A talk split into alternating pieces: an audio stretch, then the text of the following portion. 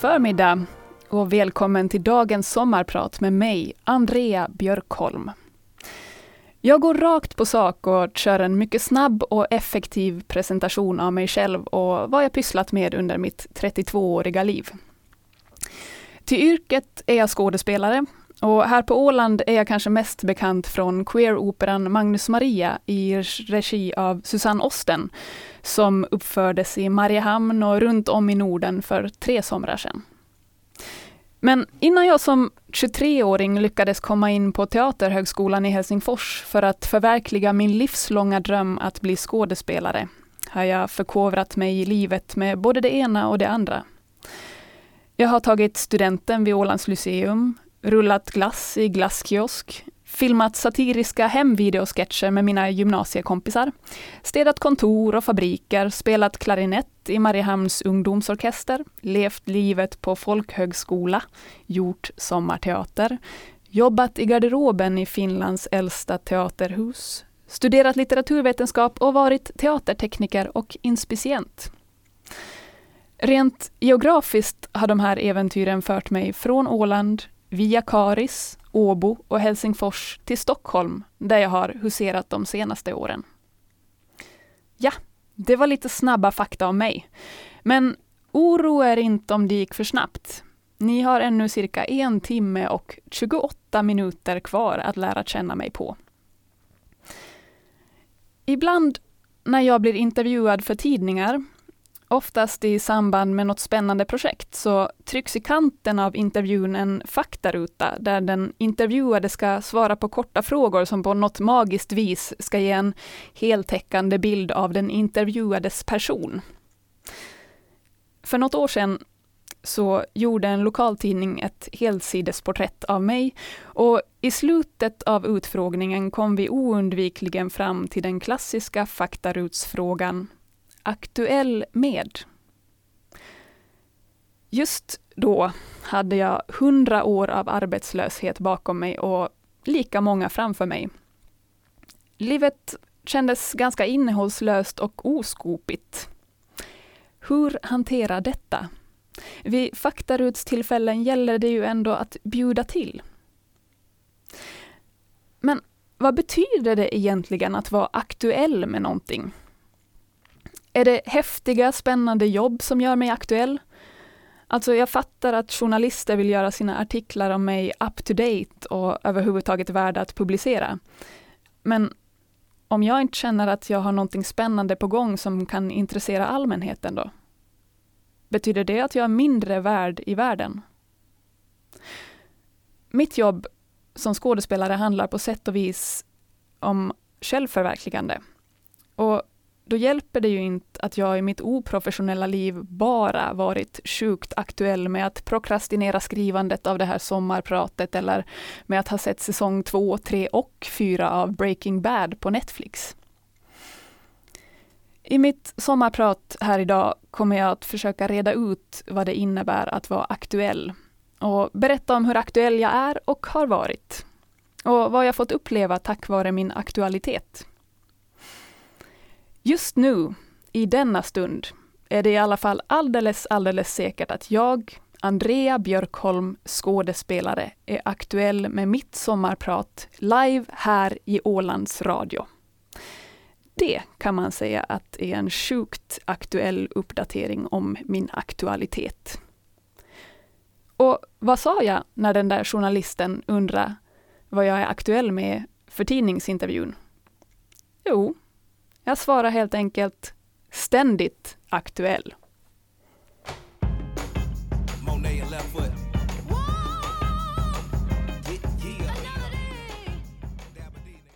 Det var Janelle Monet med låten Tightrope.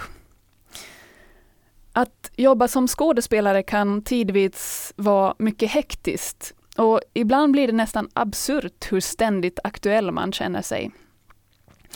Förra hösten var jag aktuell genom att jobba på Riksteatern med en stor musikteateruppsättning av Sara Lidmans roman Kärdalen. Vi skulle turnera Svealand och rike runt under två och en halv månad. Premiären skulle gå av stapeln i Västerbotten, närmare bestämt i Umeå. Sara Lidmans hemtrakter. Och jag skulle på scenen spela, ja, landskapets ikon, huvudrollen Sara Lidman. Repetitionerna som var förlagda i Stockholm var intensiva med research, rollarbete, scenrep, sång och musikövningar med och utan orkester, koreografipass och hopfogning av alla dessa element till en helhet. Några dagar innan premiären kördes hela ensemblen på sju skådespelare och tre musiker, arbetsgruppen, teknik och scenografi upp till Umeå för att där finslipa det sista innan genrep och premiär. Utöver de sista putsningarna innebar premiärveckan också intervjuer och PR i tidningar, radio och TV. Allt för att skapa uppmärksamhet kring föreställningen. Det var långa arbetsdagar med lite tid för vila och reflektion.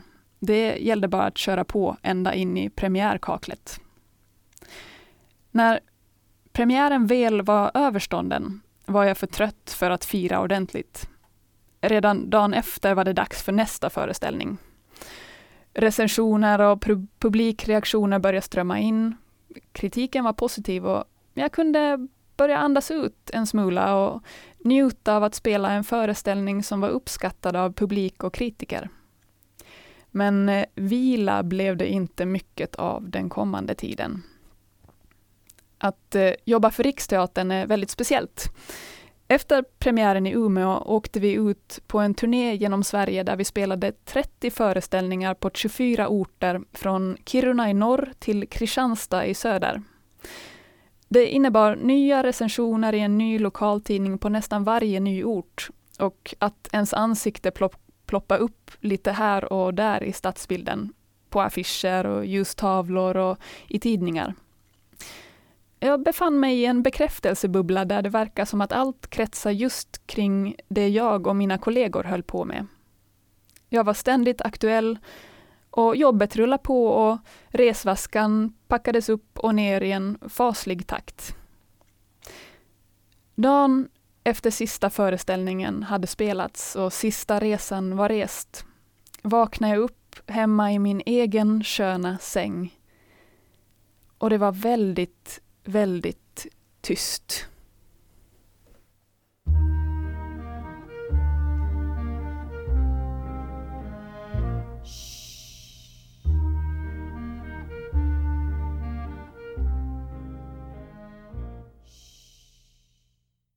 Det var Björk med It's Oh So Quiet. Känslan när en produktion har tagit slut är lätt avslagen. Det är väldigt skönt att äntligen få andas ut och återhämta sig. Stora delar av turnén med Riksteatern hade jag vid något tillfälle längtat efter just den här stunden. Att inte behöva leva i en resväska, att inte behöva förhålla sig till några måsten. Men det är lättare sagt än gjort. För samtidigt som jag bara vill ta det lugnt så vet jag att min kalender ekar tom in i evigheten. Det finns ingen tid för vila. Jag måste genast jaga nästa jobb.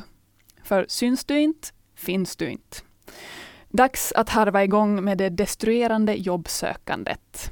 Networking, marknadsföring av sig själv, CV-utskick och uppdatering av alla internetsidor jag någonsin registrerat mig på på internet. Mera networking. Du kan aldrig networka för lite eller skriva för få mejl. Samtidigt får du vara glad om någon ens svarar på det du skickat. Var tacksam för det lilla. Varför verkar det som att alla andra jobbar hela tiden och är i svängen och är ständigt aktuella? Det här är teaterns charm och förbannelse. Att allt är förgängligt. Att produktioner kommer och går och att människor byts ut. Du får din stund i rampljuset. Den ena dagen är du aktuell och nästa har någon annan tagit över.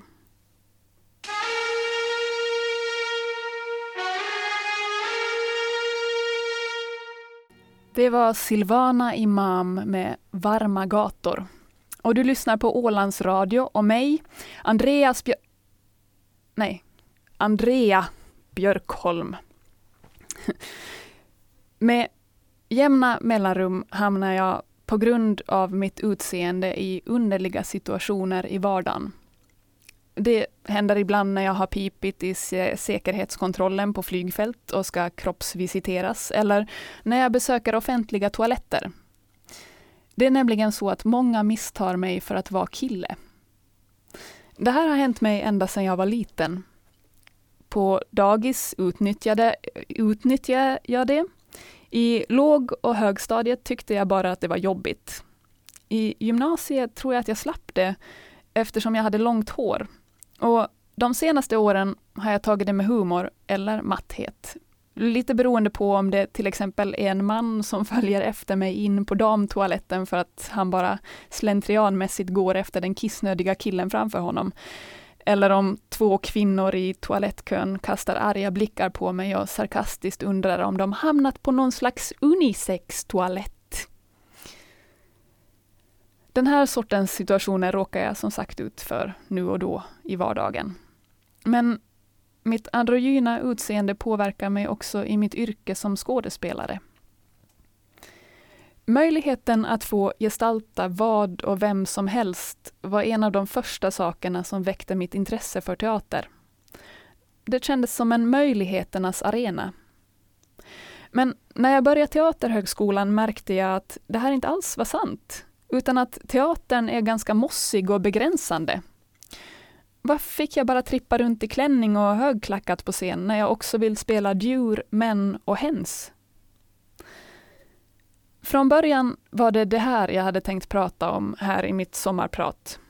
Om att teatern är en extremt normativ plats med ett dammigt patriarkalt arv, där jag sällan känner att jag passar in. Många av de strukturer som upprätthålls inom scenkonsten härstammar från en gammal teatertradition där samma föråldrade könsroller och stereotypier reproduceras om och om och om och om igen. Bara en bråkdel av teatern erbjuder mig frihet och möjlighet att spränga gränser. Det har säkerligen kostat mig många jobb, men jag har gjort valet att inte låta mig formas efter den kvinnobild som mainstream-teatern efterfrågar och bejakar.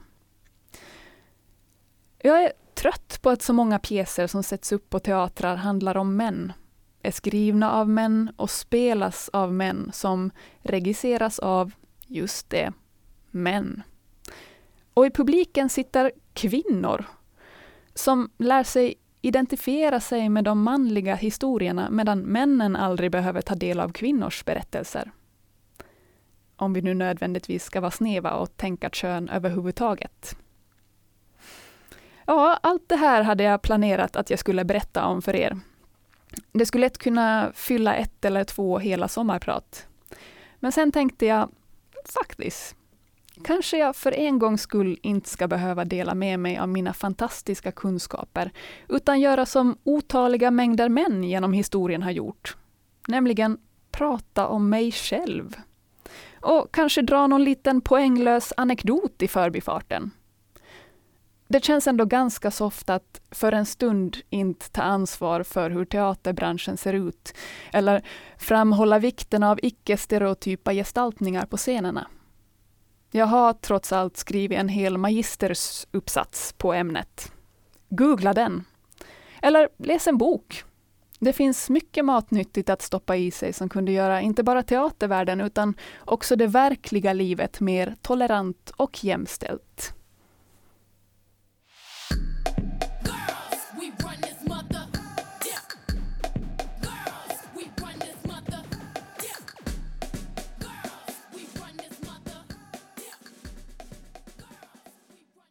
Beyoncé Run the World Girls. Nu har det gått fyra år sedan jag gick ut Teaterhögskolan. Trots att jag inte varit ute i arbetslivet så jättelänge har jag ändå fått möjligheten att eh, arbeta med väldigt olika projekt som erbjudit spännande upplevelser.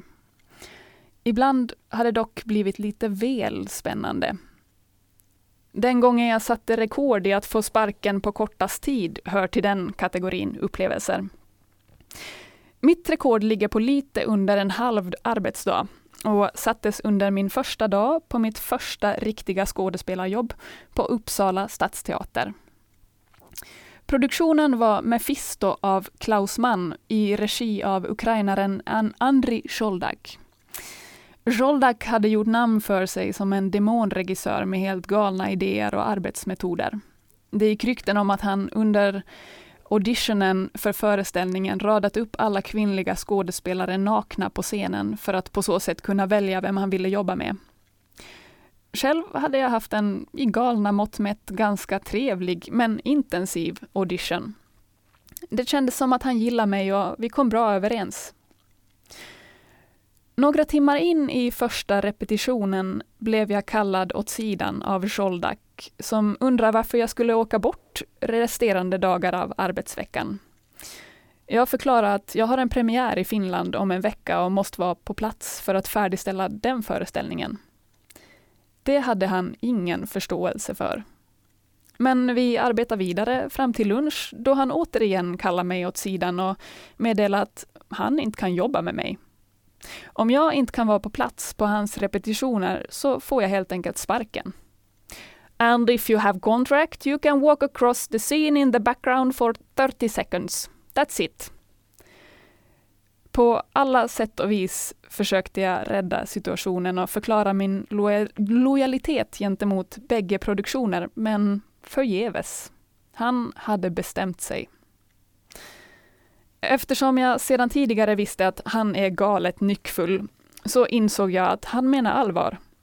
Det var kört och jag flippade. Eftersom jag var helt maktlös och inte längre hade någonting att förlora så skällde jag ut honom efter noter. Vi hade ett högljutt gräl där spott och svordomar flög tvärs över salongen tills vi båda gjorde dramatisk sorti i varsin ända av rummet. Sen minns jag inte så mycket mer än att jag sitter på teaterchefens kontor i långklänning och störtgråter inför en mycket obekväm teaterchef som jag bara träffat snabbt en gång tidigare. Det var en svettig dag kan jag säga. Men tack vare, jag vet inte vilka teatergudar och en hel del medlande, så fick jag ändå komma tillbaka till produktionen och efter en på alla sätt och vis galen resa han, land, lyckades jag landa mitt eh, livs första huvudroll på en professionell teaterscen. Här kommer Jag tror på mig med Monica Zetterlund ackompanjerad av Lasse Fernlövs kvintett.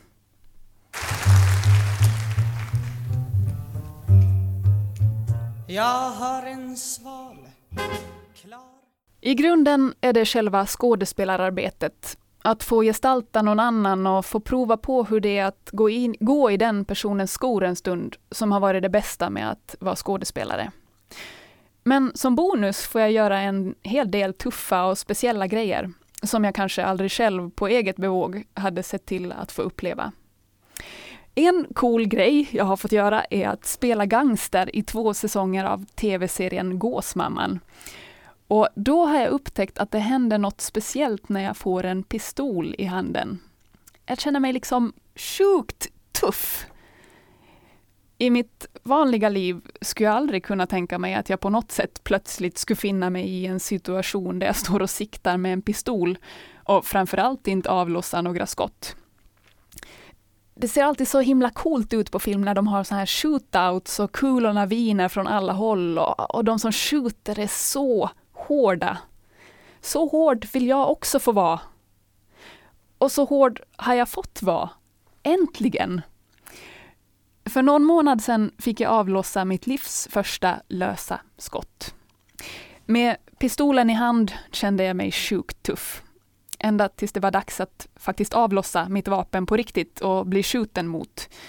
Då fick jag totalt tunnelseende och kände mig mest panikig och okontrollerad inombords och skottade på åt alla håll och kanter. Om det här hade varit en verklig situation hade jag, om jag inte hade blivit dödad på direkten, inte lyckats träffa min motståndare med ett enda skott. Tack och lov märktes det här inte på filmen. Där såg jag precis sådär kall och tuff och hård ut som de gör på TV. Det är helt enkelt helt otroligt pirrigt och nice att få göra saker som jag kanske annars inte fått för mig att göra. Det gäller också betydligt lugnare sysslor än skottlossning på låtsas.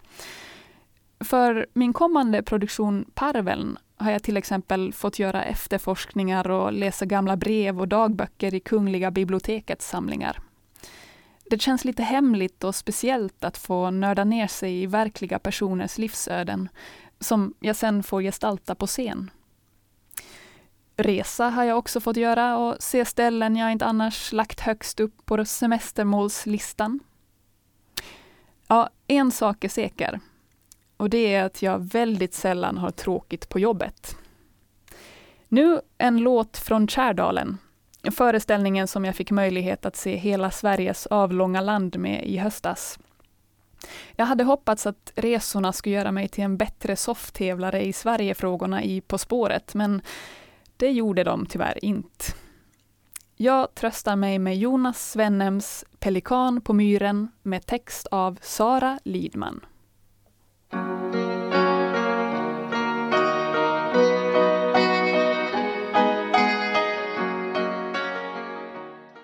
Här sitter jag, Andrea Björkholm, och är aktuell och närvarande i stunden genom att sommarprata live i Ålands Radio. Så hur känns det? Jo, det känns eh, nervöst, eh, svettigt, shit pommes frites och lite kan någon ta mig härifrån? Det är ungefär samma känslor som uppstår innan jag ska göra min första insats på scenen i en föreställning. För att inte tala om de långa timmarna innan en premiär. Då är det verkligen kan någon ta mig härifrån som är den dominerande känslan. Så varför utsätter jag mig för detta? Det är ju så många saker som kan gå fel. Och gör det det så är det jag och ingen annan som står med byxorna neddragna i strålkastarskenet framför en publik på flera hundra personer. En incident jag råkade ut för involverade inte ett par brallor, men väl nog en klänning. Det var under premiären av Mefisto-pjäsen med den galne ukrainske regissören som det som inte fick hända förstås hände. Föreställ er en fullsatt teatersalong med branschfolk, recensenter, vänner, en explosivt oförutsägbar ukrainsk regissör och mamma. Jag är praktikant och har aldrig någonsin spelat en så här stor, stor roll för en så här stor publik. Jag vill verkligen inte att någon ska ta mig härifrån, samtidigt som jag helst skulle vilja slå mig själv i huvudet med en stekpanna för att slippa vara så nervös. Känslan är helt enkelt, ingenting får gå fel, ingenting får gå fel. Och ingenting går fel. Förrän i mitt sista kostymbyte då jag upptäcker att dragkedjan på min klänning är trasig och inte går att stänga. Minst tio tankar slår mig samtidigt. Jag ska snart in på scen. Kan jag ta en annan klänning? Ska jag gå in med klänningen öppen i ryggen? Kan man säkerhetsnåla? Hinner vi byta dragked? Hjälp! Jag hugger tag i första bästa påklädare och, och hon börjar sy in mig i klänningen. Problemet är bara det att den ska tas av på scenen av min motspelare. Jag påminner påklädaren om detta och hon försöker lägga sina stygn så att klänningen inte spricker upp när jag gör mina extremt fysiska scenerier, men också går att slita upp med våld av min medspelare. Ett annat problem är att min medspelare är på scenen hela tiden. Hur ska han få reda på att han måste slita mig ut ur klänningen? Min entré närmar sig med stormsteg. Jag är tvungen att lämna situationen utan att veta hur det här ska lösas. Jag får helt enkelt lita på att min medspelare på något sätt blir informerad om läget och rusar in på scenen med pulsen uppe i minst 340. Medan jag harvar på på scenen lyckas påklädaren briefa min medspelare om läget under högst 10 sekunder då han är utanför scenen, plus ge honom en liten sax ifall stygnen sitter för hårt. Det här har jag förstås ingen aning om ute på scenen. Jag spelar på och hoppas på det bästa. Som tack och lov sker. Min hopsydda klänning håller ända tills det med ett lagom hårt ryck öppnas och jag kan stiga ur den. Utan att publiken har märkt någonting. Det är det här jag älskar med teater. Att allt sker i stunden och att det som händer en viss föreställning aldrig kan återskapas. Det är många omständigheter som ska klaffa under föreställningens gång. Teknik, scenografi, kostym, text, rörelse och skådespelarnas koncentration och form. Därför innebär att hålla på med teater ett visst mått av problemlösning och improvisation. Missar du en replik eller råkar ut för något oplanerat kan du inte stanna upp och ta om. Det gäller att lösa situationen där och då, parera och styra rätt för att slutföra berättelsen. För allt sker här och nu. Och hur konstigt det än låter är misstag ofta en ganska bra sak för en skådespelare. Vissa skulle till och med kalla det för en gåva. För att misstagen tvingar dig att vara närvarande och vaken. Oftast skapar det en fantastisk nerv i föreställningen när allt inte går på räls. Om du vet exakt vad som ska hända och inte tillåter dig själv att vara öppen för nya saker blir det ganska tråkigt både för dig och publiken. Och varför utsätter jag mig gång på gång för risken att misslyckas fullständigt? Jo, för att jag är en problemlösare som jobbar bäst under press.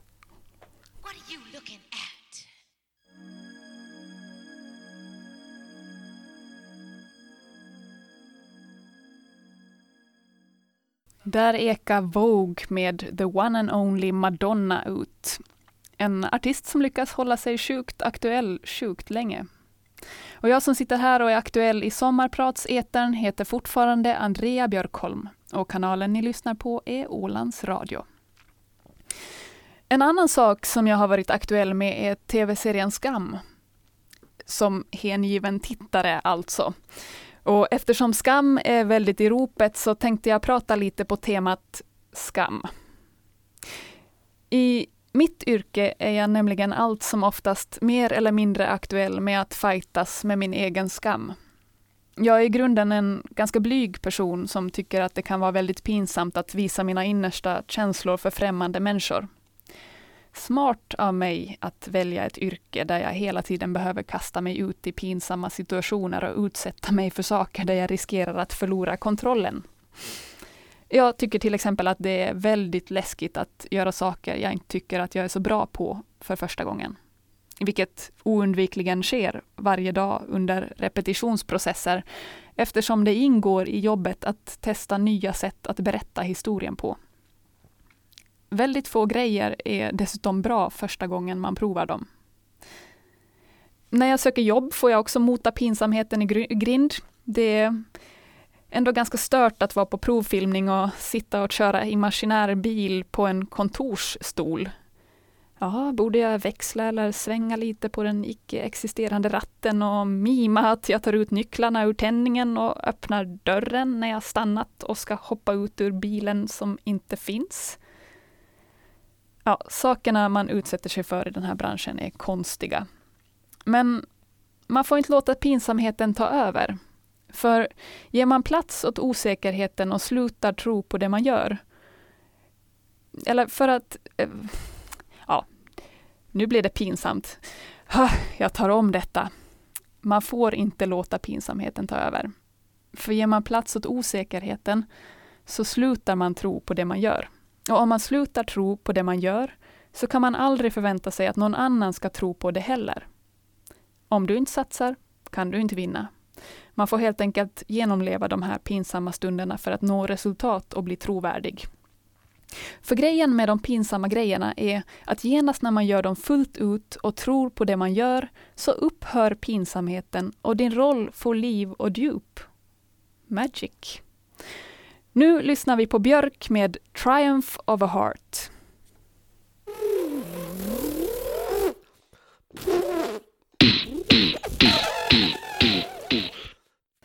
Det är många av mina personliga egenskaper som på pappret går stick i stäv med ett yrke som skådespelare. Jag är till exempel en vanemänniska som gillar rutiner och ordning och reda och blir väldigt nervös om jag till exempel tappar bort någonting eller är sen till en avtalad tid. Att vara skådespelare kräver öppenhet gentemot nya utmaningar förmåga att improvisera och ett omfamnande av att situationer kan förändras från en stund till en annan. När man jobbar med film och tv tycker jag att det här blir extra påtagligt. På tv-inspelningar är tempot ofta högt. Och om du har en liten roll med bara en filmdag här eller där, eller, eller kanske bara en, så är det alltid lite av en utmaning att ta sig igenom sin första och då eventuellt enda inspelningsdag. All förberedelse sker hemma. Man läser manus, lär sig sina repliker och i bästa fall hinner regissören ha ett snack med dig om förutsättningar och din roll innan inspelningsdagen. Mitt första jobb på en tv-serie var när jag bildligt och bokstavligt talat dök upp i Tjockare än vatten. Ni vet serien som utspelade sig på Åland men avslöjade att den inte var inspelad här, bland annat genom parkeringsautomater, som ju inte finns på Mariehamns gator. Jag skulle spela Nadja, en dykare som dök upp ja, i ett avsnitt och gjorde obekväma upptäckter i farvattnen. Som nyutexaminerad skådespelare sov jag inte många timmar natten innan inspelning. Väl på plats ute i Stockholms skärgård var det ett eh, mycket ostadigt väder. Inte idealiskt eftersom vi just den här dagen skulle spela in scener ombord på en motorbåt. Lektion 1, första dagen på jobbet, blev således att vänta. Något som skådespelare får sin beskärda del av under inspelningar. När vädret blivit bättre var det dags att dra på sig dagens kostym, en torrdräkt. Efter att ha spelat in några dialoger till sjöss var det dags för dykscenerna. Jag utrustades med fenor, regulator, tuber, hela dykkittet och fann mig snart guppandes i vattnet. Jag har dykt med tuber tidigare. En gång i gymnasiet i den grunda änden av idrottshallens simbassäng. Och där låg jag nu och skvalpade i havet och fick helt enkelt gilla läget. Med mig i vattnet hade jag en dykinstruktör som snabbguidade mig i ned och uppstigning och fanns till hands om någonting skulle gå fel. Sen var det dags för tagning. I teorin hade jag en lätt uppgift.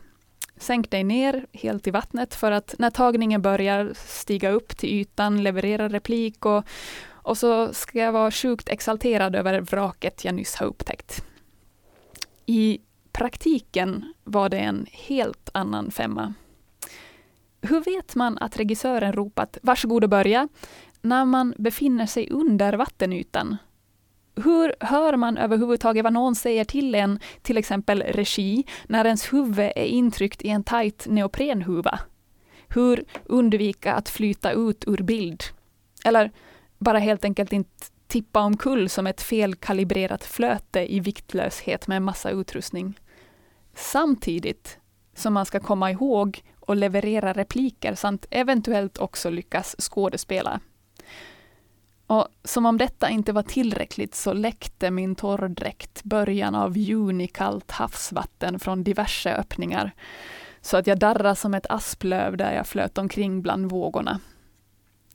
Det var helt enkelt skitsvårt. Men jag klarade det. Jag lyckades så att säga hålla huvudet ovanför ytan. Detta tack vare skådespelarens förmåga att an anpassa sig till nya situationer. Eller helt enkelt genom att fake it till you make it. Visst jag känner tacksamhet att någon vis... Innan Frida Hyvönen med Imponera på mig pratar jag om att hålla sig flytande. Nu vill jag berätta om hur det i mitt yrke gäller att ibland ha lite flyt. Ja, den var dålig. Ett riktigt lågvattenmärke. Ja, det är så dålig stämning i studion just nu. Förlåt, kära lyssnare. Hur som helst, det gäller ibland att ha flyt, lite tur och bra timing vid sidan av sin talang. Många jobb i skådespelarbranschen får man med kontakter och genom att vara på rätt plats vid rätt tidpunkt. Mitt bästa flyt hittills i arbetslivet hade jag när jag lyckades få en roll i operan Magnus Maria. För att börja från början. Susanne Osten är en ikon inom den feministiska teatern. Våren 2012 började jag höra rykten om att det skulle göras en opera med queert tema på Åland och att Susanne Osten av alla regissörer var anlitad att regissera det hela. Susanne Osten! På Åland! Och historien om flickan Maria som reste till Stockholm på 1700-talet och utgav sig för att vara mannen Magnus och förförde kvinnor. Alltså upplägget var för bra för att vara sant. Det fanns bara ett litet problem. Jag kan inte sjunga opera. Via kontakt med författaren Katarina Gäddnäs fick jag veta att Susanne bara jobbar med operasångare i den här produktionen. Och jag accepterar mitt sceniska öde. Dock var jag inte beredd att släppa produktionen. Om jag så skulle koka kaffe oavlönat så ville jag följa en process med Susanne Osten. Helt enkelt för att få se hur hon skapar en föreställning och lära mig vad som läras kunde. Så jag hörde av mig till projektets initiativtagare Barbro Sundback och erbjöd mina tjänster. Vi stämde träff på ett tåg från Helsingfors till Åbo. Problemet var bara det att hon hade glömt sin mobil på Åland, så jag kunde inte få tag på henne för att veta exakt var och när vi skulle ses. Det kändes lite för svettigt för att vara bekvämt, men turligt nog hittade jag Barbro på perrongen strax innan avgång. Och efter vårt första möte så blev jag inbjuden till audition workshop under sommaren för att testa om jag kanske kunde passa som produktionsassistent. Stämningen på workshopen var väldigt öppen och inbjudande. Åtminstone för mig som inte var en sångare som var där för att visa sig från sin bästa sida för att knipa en roll. Under uppvärmningarna fick vem som helst i rummet delta och jag tog tillfället i akt och fulldansa lite för att få upp energin. Annars hjälpte jag till med praktiska grejer, dokumentation, konkande av saker och allmänt handtagande. Någonting såg Susanne i mig eftersom hon efter några dagar sa till mig att hon vill ha med mig på scen. Jag kan vara till nytta, flytta scenografi och hjälpa till med rekvisita och sådär. Cool, tänkte jag och våga inte tro det förrän det händer. Och det hände. Jag blev inskriven i operan som talande huvudroll, den röda tråden i föreställningen. Det är helt sjukt. Från kaffekokar-wannabe till skådespelare i en opera som från början inte hade någon talroll. Jag har fortfarande lite svårt att förstå hur det hände. Men kanske är det så att det ibland bara handlar om att vara passionerad, befinna sig på rätt plats vid rätt tillfälle och visa att här finns jag. Och om man har tur kan flyt uppstå.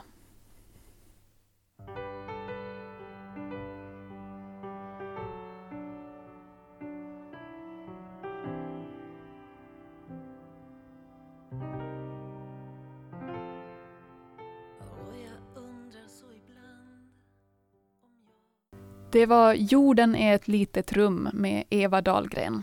Och jag som sommarpratar idag är Andrea Björkholm.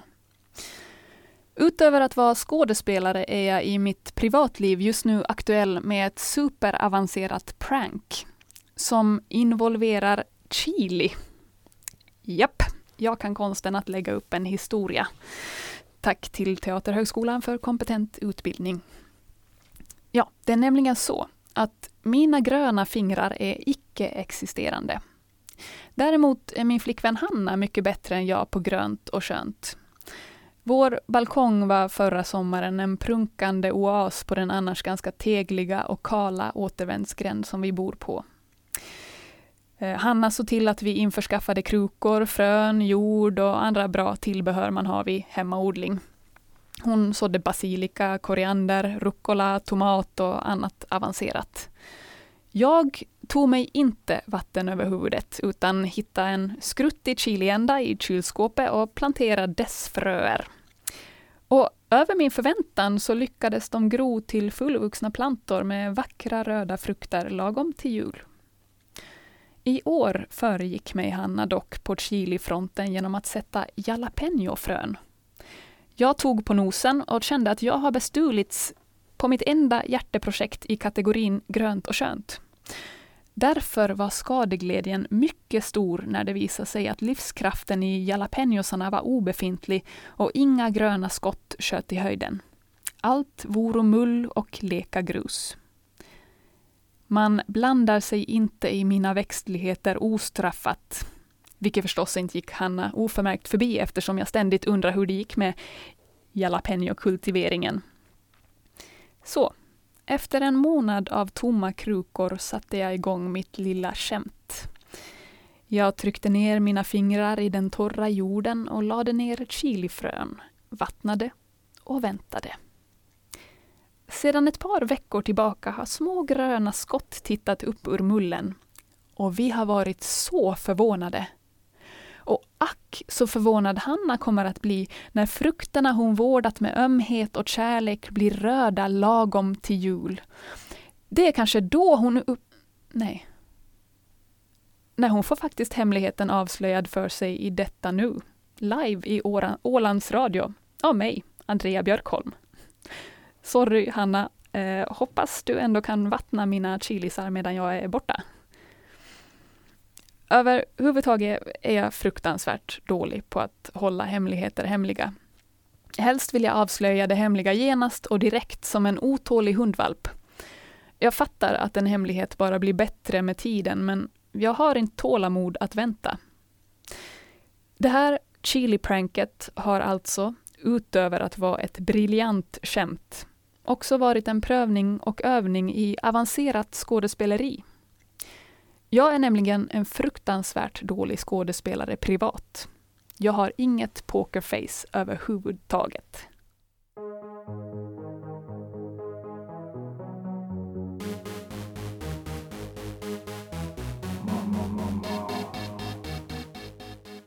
Och detta var förstås Pokerface med Lady Gaga.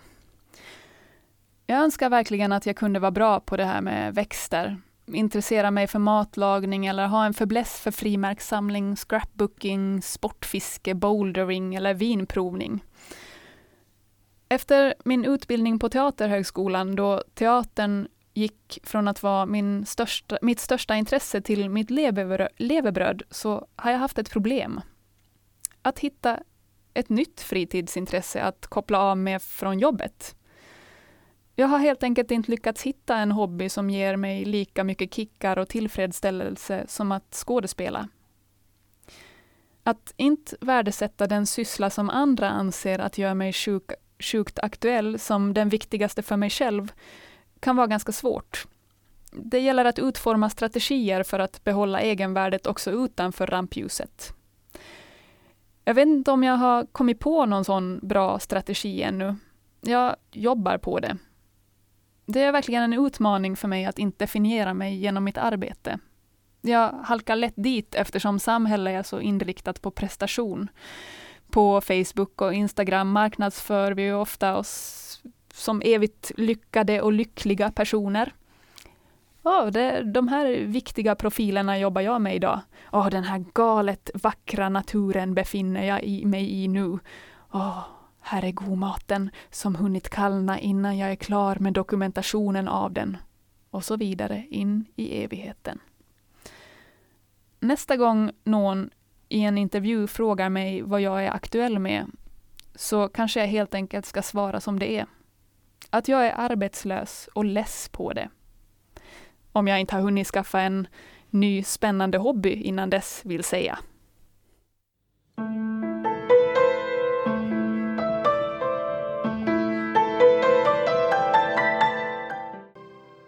Ni kanske känner på stämningen att mitt sommarprat börjar lida mot sitt slut. Det där var Vasas flora och fauna som annonserade stängningsdags. Men vi har en liten stund kvar. Man måste ju tänka framåt också. Vad händer när jag slutar vara aktuell i detta sommarprat, kanske ni tänker, kära lyssnare. Här har vi dväljts i det förgångna och fått höra diverse anekdoter och funderingar. Har hon något mer att komma med, den där Andrea Björkholm? Jo, hörni, ni ska inte vara oroliga. I höst är jag aktuell med soloföreställningen Parveln i regi av Malin Hellqvist Selén på Kulturhuset Stadsteaterns friscen.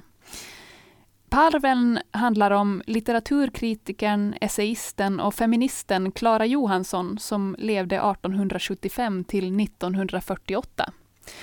Hon hörde till den första generationen kvinnor som studerade vid Uppsala universitet. Hon var också nära vän med flera av sin tids tongivande kvinnor som stred för fred och frigörelse och levde som öppet lesbisk tillsammans med sin livskamrat Ellen. På många sätt var Klara Johansson före sin tid. Redan för hundra år sedan började hon formulera de analyser om sexualitet och kön som queer-teorin gör idag. Men nu ska jag inte gå händelserna i förväg. I höst är i höst och nu är nu. Nu är jag än så länge akut aktuell i mitt sommarprat här och nu på Ålands Radio, men om bara några sekunder är det dags för mig att kasta mig in i nästa aktualitet, nämligen en alldeles ledig sommar.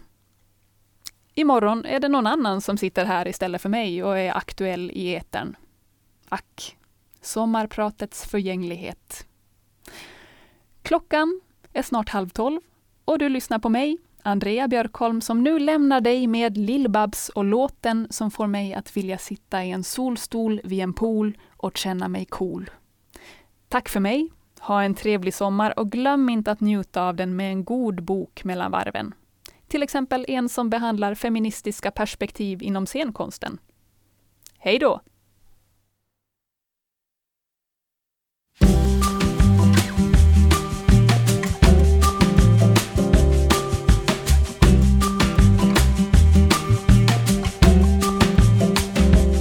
Så alla grabbar jag vill lira med. Brudar diggar inte ni ser.